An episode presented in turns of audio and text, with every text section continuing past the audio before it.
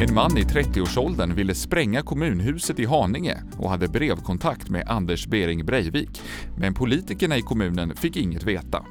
Sedan analyserar vi Stockholms stads nya budget. Vad skiljer partierna åt och hur påverkas stockholmarna? Och sist om att klassiska idrottsanläggningar i Stockholm kan byta namn till företagsnamn istället. Där har arenan bytt namn till Städ och fönsterservicevallen. Du lyssnar på Stockholmspodden med mig, Christian Lönner. Genom att fylla tomma läskburkar och pingisbollar med röd fosfor och kaliumklorat vill en man i 30-årsåldern spränga Haninge kommunhus. Nu åtalas mannen för förberedelse till allmänfarlig ödeläggelse genom sprängning. Filip Magnusson, reporter på Mitt i Haninge.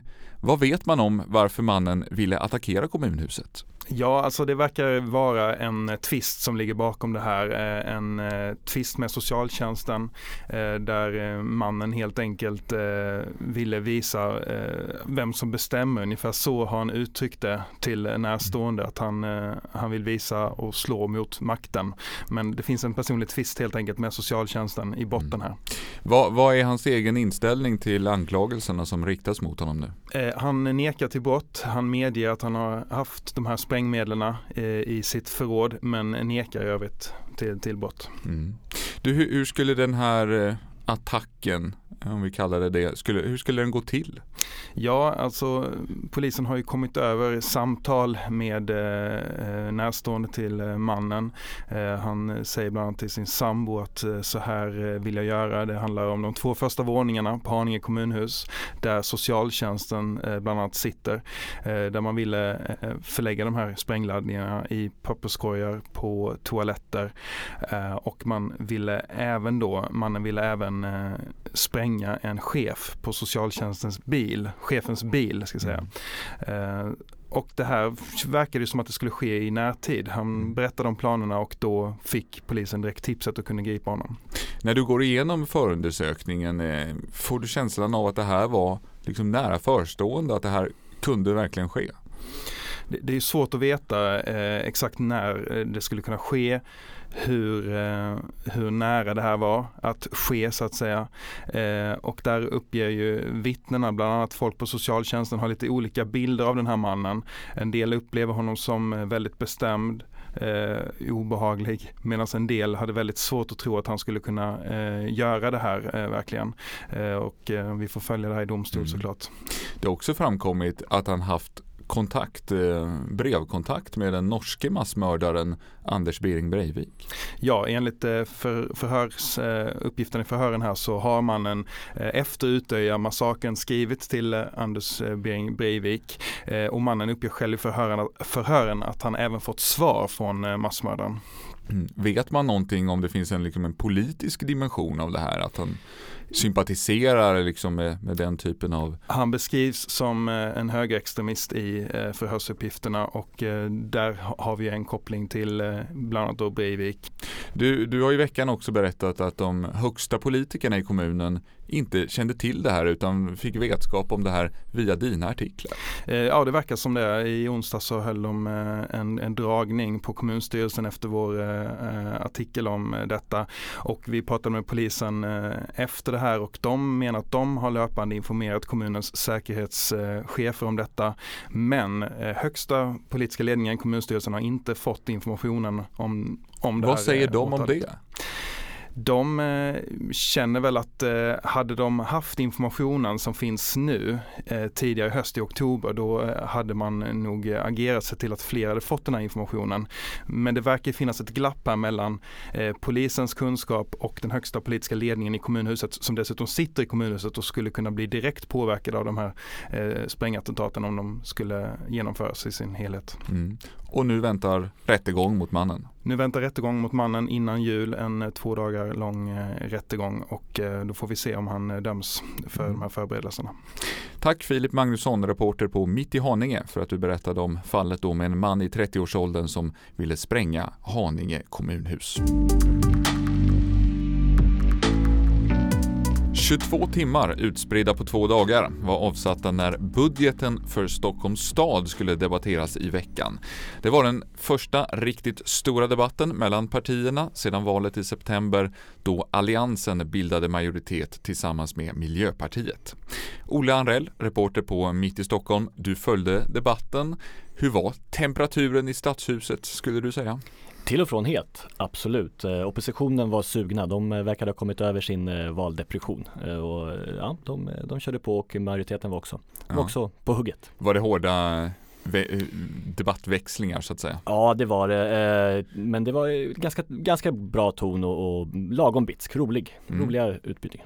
Du, vad, vad, går de stora skiljelinjerna i politiken idag mellan den grönblå majoriteten och oppositionen skulle du säga? Mm, ja men det är tydligt att det är synen på, på det offentliga kontra det privata. Hur viktigt det är att eh, allmännyttan eh, finns kvar eh, och eh, att äldreboenden är kommunala och sådär. Eh, det är den stora skillnaden. Mm. Och eh, såklart skatte, skattesatsen. Klassiska ideologiska frågor. Ja, verkligen. Mm.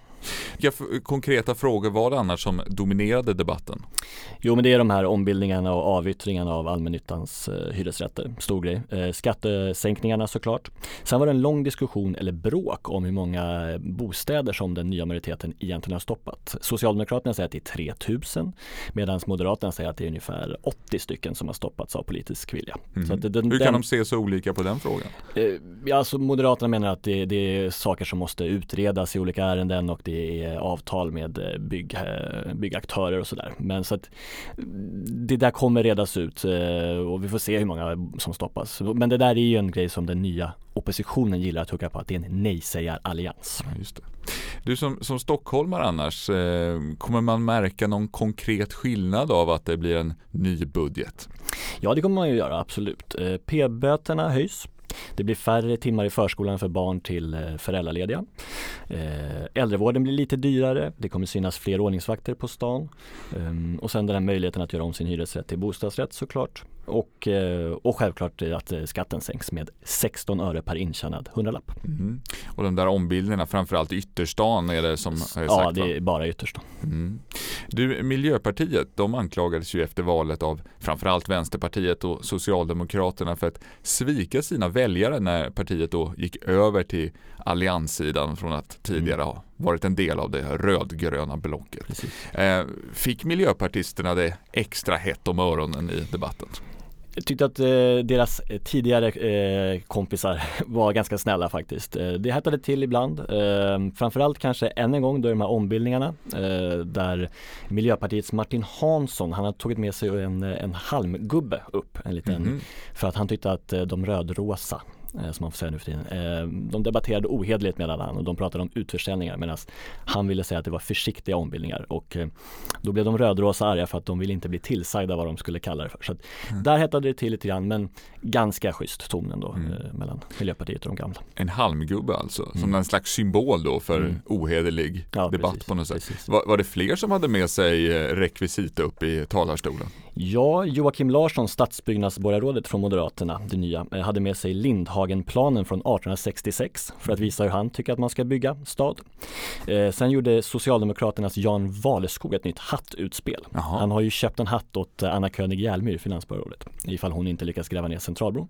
Nu lovade, att han, lovade han att han skulle ge en safarihatt till Joakim Larsson om han lyckas bygga hälften av alla bostäder som han har lovat. Tack Ola Anrell, reporter på Mitt i Stockholm som alltså följt budgetdebatten i Stockholms stadshus. Nu har det blivit dags för Johannes Lundberg att presentera vårt nyhetssvep med nyheter från mitti.se. Den man som misstänkt för återkommande vandalisering av 11-årige terroroffret Ebba Åkerlunds grav lider troligtvis av psykisk ohälsa. Det berättar åklagaren i fallet där den 59-årige mannen misstänks för två fall av brott mot griftefriden.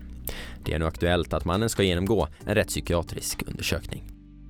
Totalt nio personer döms för inblandning i en stor knarkhärva i Sundbyberg. Stora mängder amfetamin har dealats med hjälp av minderåriga kurirer i tonåren. Huvudmannen i härvan, en 22-årig man från Kista, döms till fängelse i sju år och tio månader. I höstas meddelade den nya majoriteten i Stockholms stad att hyresgäster i ytterstan kan få ombilda sina hyresrätter i allmännyttan till bostadsrätter. Ombildningen ska enligt politikerna ske på de boendes egna initiativ men redan nu har flera hyresgäster i Bagarmossen blivit uppringda av fiskande ombildningskonsulter. Det känns väldigt oetiskt, säger boenden Lotta Björkman till Mitti. Och fotboll, det allsvenska spelschemat för nästa år är spikat och regerande mästaren AIK inleder på hemmaplan och det är för sjätte året i rad. Något som sticker i ögonen på Stockholmskonkurrenterna Hammarby och Djurgården och spär på den gamla konspirationsteorin om att AIK skulle vara förbundets lag. Och kanske ligger det något i spekulationerna. Av AIKs 23 senaste premiärer har laget haft hemmaplan i 19. Till sist musik, för i vår släpper den hyllade artisten Erik Lundin sitt debutalbum. Därefter följer en turné genom Sverige och det blir en spelning på hemmaplan för Stockholmsrapparen. Den 13 april kommer han till Vasateatern och biljetterna de är redan släppta.